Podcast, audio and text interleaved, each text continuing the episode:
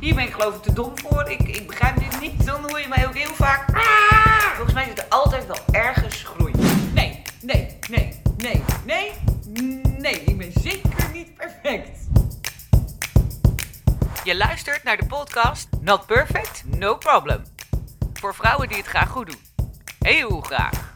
Heel goed. En voor vrouwen die rust en ontspanning willen. Zichzelf willen zijn zonder schaamte of gedoe. En dan ook nog willen weten hoe. Ik ben Elke Keizer. Ook ik ben zo not perfect. Van harte welkom bij alweer een nieuwe aflevering van de podcast Not Perfect, No Problem. Vandaag ga ik het met je hebben over de kracht van zacht. Van de week moest ik met mijn meneer bij mensen op visite. Nou ja, visite. Mijn meneer is klusser en die ging even inventariseren wat er voor klus moest gebeuren bij die mensen. En omdat het op de route lag naar een andere gelegenheid, ben ik even meegegaan. Het is altijd even gezellig. Even kletsen met de mensen, meedenken over de inrichting of over welk wandje er wel of niet weg mag.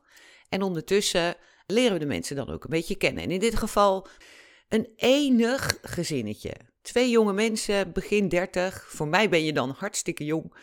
Met een klein kindje. Een kindje overigens. En dan is het echt niet zo dat ik meteen begin te zwijmelen over kleinkinderen of wat dan ook. Maar het was echt een heel leuk kindje. Kortom, gewoon een superleuk gezin. Terwijl de heren zich onder andere in het toilet begaven, want dat moest verbouwd worden, kon ik eventjes kletsen met de dame in kwestie. En we raakten al snel in een echt gesprek. En als ik zeg een echt gesprek, dan bedoel ik dat we het onderwerp weer, werk, kinderen, eventueel ouders en schoonouders al gehad hadden. Dus we konden het echt even ergens over hebben. Ze vertelde me dat ze wel eens wat, wat, nou ja, wat somber is en, en dat ze daar wel wat moeite mee heeft. Nou, ben je natuurlijk echt de go-to person om mee te praten. Dat ben ik dan, dus ik wil daar alles van weten. En gaandeweg het gesprek vertelde ze me ook dat ze een jaar of twee, voordat ze deze relatie kreeg, een relatie had gehad met iemand die al in een relatie zat. Of zoals ze het zelf verwoordde, zij was de andere vrouw. Die meneer waar zij die relatie mee had, die had namelijk al een vriendin, die was zelfs al uh, zwanger. Ze waren al verloofd en ondertussen begon hij een relatie met haar. Met de belofte, uiteraard, want zo werkt het, dat hij bij die andere mevrouw weg zou gaan en dat zij, nou, en ze leefde nog lang en gelukkig zouden gaan meemaken. Zij geloofde daar ook in. Heeft er keihard voor gewerkt om dat ook in stand te houden en voor elkaar te krijgen. En uiteindelijk realiseerde ze zich dat het niet ging gebeuren. Die meneer ging niet weg bij de andere mevrouw en, en inmiddels natuurlijk een kindje erbij. Ze besloot dus de relatie te beëindigen. Dat was natuurlijk het beste wat ze voor zichzelf ooit had kunnen doen. Maar ze realiseerde zich ook dat ze daarna zichzelf helemaal kwijt was. Nou, je hebt misschien de vorige aflevering geluisterd, daarin vertelde je hoe dat bij mij is gegaan. En het toeval, als toeval bestaat, wil dat ik meteen in de week daarna dit gesprek voer met deze jonge mevrouw. En mijn eerste reactie nadat ze haar verhaal had verteld was: Ach, die arme meid. En ze was het helemaal met me eens. Alleen, zij had het over die andere mevrouw, waarvan de meneer dus eigenlijk vreemd ging. Nou, niet eigenlijk, hij ging gewoon vreemd. En ik had het over mijn gesprekspartner.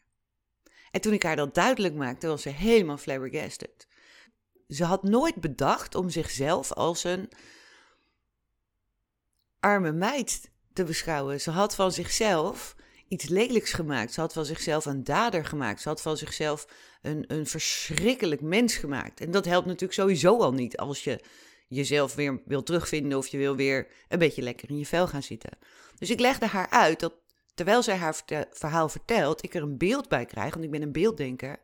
En dan zie ik een heel wanhopig en kwetsbaar en, en willend en verlangend meisje, jonge vrouw. Ze was toen natuurlijk ook nog een stuk jonger. Die gewoon in een hele verkeerde situatie beland is. Maar daarbinnen wel zichzelf op, op 400 manieren haar grenzen overgegaan is en, en dingen geprobeerd heeft en haar best gedaan heeft. En, en ondertussen natuurlijk zich vreselijk schuldig voelend en, en ook heus wel wetend dat het niet oké is. Want, want dit is wel iemand die gewoon over integriteit beschikt. Dit is gewoon iemand die met normen en waarden is opgevoed. Dit is iemand die ook een onwijs eind bij zichzelf vandaan loopt. Op het moment dat ze in deze situatie zit. En ik weet niet zo heel veel over de manier waarmee ze dat deed. Maar ja, die zal ook een duit in het zakje gedaan hebben. En daarmee is zij nog steeds geen slachtoffer, overigens. Laat het even duidelijk zijn. Ik zit hier niet te beargumenteren dat als je vreemd gaat of meehelpt met vreemdgaan, dat je dan zielig of slachtoffer bent. Nee, het gaat altijd over jou. Het gaat altijd over degene die het, die het doet. Daar zegt het iets over. Ik heb er ook een beetje een eh, hekel aan, merk ik. Want dan gaat er iemand vreemd in een relatie en dan wordt er gezegd: ja, maar die ander, die dus niet vreemd ging, eh, die werkte zoveel. Of eh, die was er nooit. Of die, weet ik veel, die zat heel erg in zijn eigen gedachten. Of die was depressief. Of, nou, er is altijd iets aan een ander waardoor het heel oké zou zijn. Of begrijpelijk zou zijn, op zijn minst, dat, dat die persoon dan vreemd gaat. Ik ben het daar niet mee eens. Heel eerlijk. Ik vind het afschuiven van uh, verantwoordelijkheid. Ik vind het afschuiven van uh, je kwetsbaarheid en je, de eigen keuzes die je gemaakt hebt. Want je hebt altijd een keus. Ik herhaal, je hebt altijd een keus.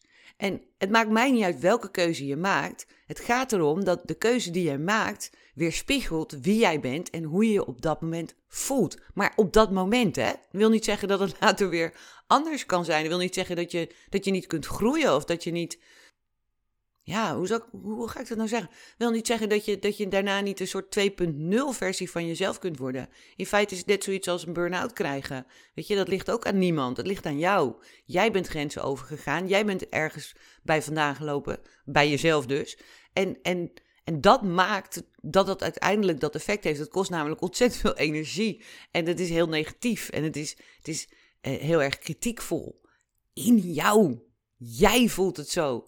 Jij zegt die dingen tegen jezelf. Jij onderneemt acties die niet passen bij wie je werkelijk bent. Daar word je zo moe van. Daar krijg je die burn-out van. Of dat maakt uiteindelijk dat je beslissingen neemt die niet passen bij de situatie, maar die niks in de basis te maken hebben met eventueel een partner of een werkgever of een, eh, zeg maar, vreemd gaan in die zin, betekent dat je vreemd gaat met jezelf. Dat wil niet zeggen dat de relatie met de ander niet oké is. De relatie met jezelf is niet oké. En daar kun je gelukkig iets aan doen. Dat is namelijk het goede nieuws. Als het niet aan een ander ligt, dan ligt het aan jou. En dan kun jij daar dus iets aan doen.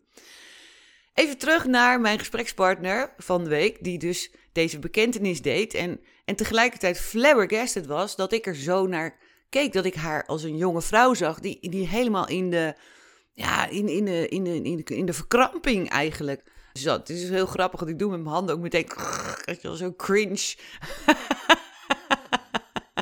Kramp. Uh, en, en dat komt dan weer voort uit angst. Want alles wat geen liefde is, is angst. En dat geldt ook voor de dingen die je met jezelf bespreekt of die je tegen jezelf zegt of de keuzes die je maakt. Je maakt ze of uit liefde of uit angst. En het kan ook de angst zijn om alleen over te blijven. kan ook de angst zijn dat je niet meer aantrekkelijk bent. kan de angst zijn dat je uh, niet hard genoeg werkt of dat je collega's het beter doen dan jij. Whatever het is. Angst. Tja, ik vertelde haar over de kracht van zacht, waar ik een groot voorstander van ben. En daarmee, ben. En daarmee bedoel ik dat je jezelf ziet met aandacht en compassie, vanuit je hart en met een bepaalde mate van tederheid. Dat is een raar woord, hè, tederheid.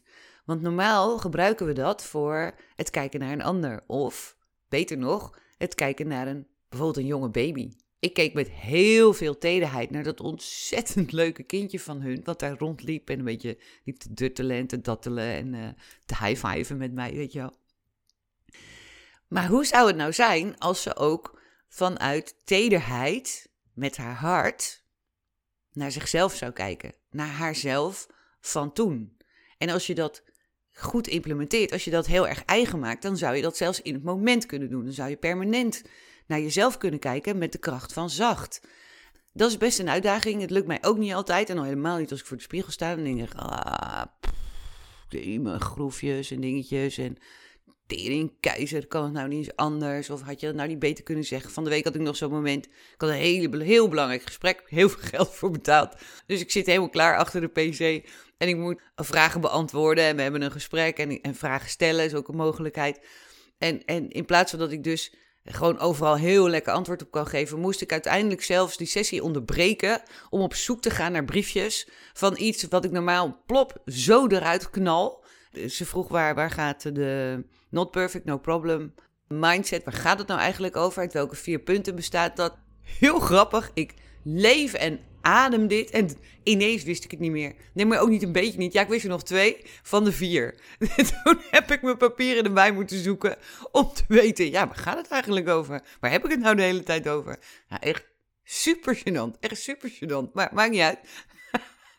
ja, het maakte wel uit. Want ik had daarna heel veel kritiek op mezelf.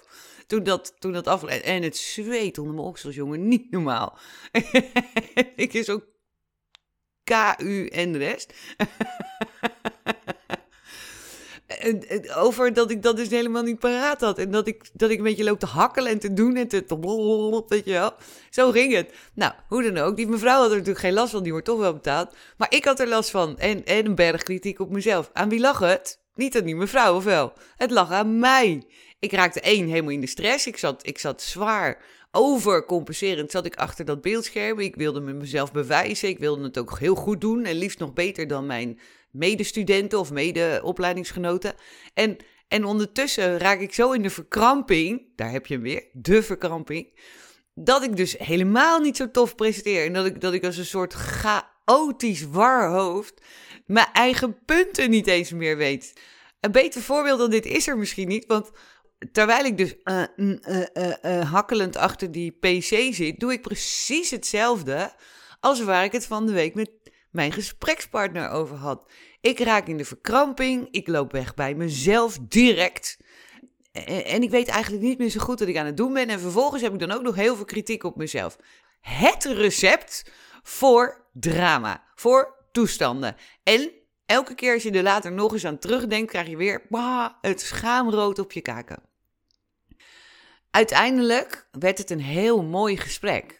Het was heel fijn voor haar om zich te realiseren dat het niet alleen maar over die meneer ging, dat het niet alleen maar over de mevrouw ging waarbij vreemd gegaan werd, maar dat het vooral over haar ging en dat zij zichzelf wat liever en wat met wat meer compassie mocht gaan bekijken. Dat ze wat, wat ja, zoals je eigenlijk naar een beste vriendin kijkt, dan, dan heb je ook niet zoveel kritiek en dan, dan zeg je al wat sneller, joh, je zat ook gewoon in een hele rare situatie en je wilde heel graag dat het een succes werd. En was het dat wel geworden, dan had je deze kritiek allemaal niet gehad en zeker niet in deze mate.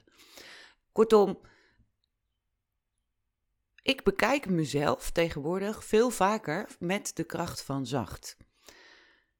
Dat betekent dat ik naar mezelf kijk, dat ik mezelf zie met aandacht,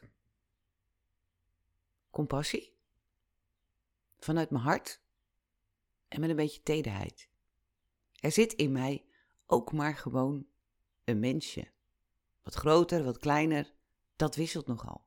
Er zit gewoon een mensje in mij. En er zit ook gewoon een mensje in jou. En er zit ook gewoon een mensje in de mensen om je heen. Kijk daar eens naar met de kracht van zacht. Heb jij vast een hele andere week dan de afgelopen week. En luister je dan volgende week weer lekker mee? Ik kijk nu al naar je uit. En niet vergeten, not perfect, no problem. Tot volgende week. Nou, dat is jammer. Het zit er alweer op. Maar wat ongelooflijk leuk dat jij geluisterd hebt. En nu je hier toch bent, zou je iets voor me willen doen? Geef me dan een review en abonneer je even op deze podcast. Op die manier krijg jij automatisch een seintje als er weer een nieuwe klaar staat. En ik krijg meer bereik. Dan kunnen steeds meer vrouwen wat relaxter worden en om zichzelf lachen. Want, not perfect, no problem. En ken jij er nou ook zo eentje die dat wel kan gebruiken? Deel deze podcast dan even. Dat kan je doen door een screenshot te maken en die op je social media te delen. Ben je helemaal hip? Of je klikt op de drie puntjes dan op delen en spammen die handel. Is een weekje nou te lang en ben je bang dat je de vibe kwijtraakt?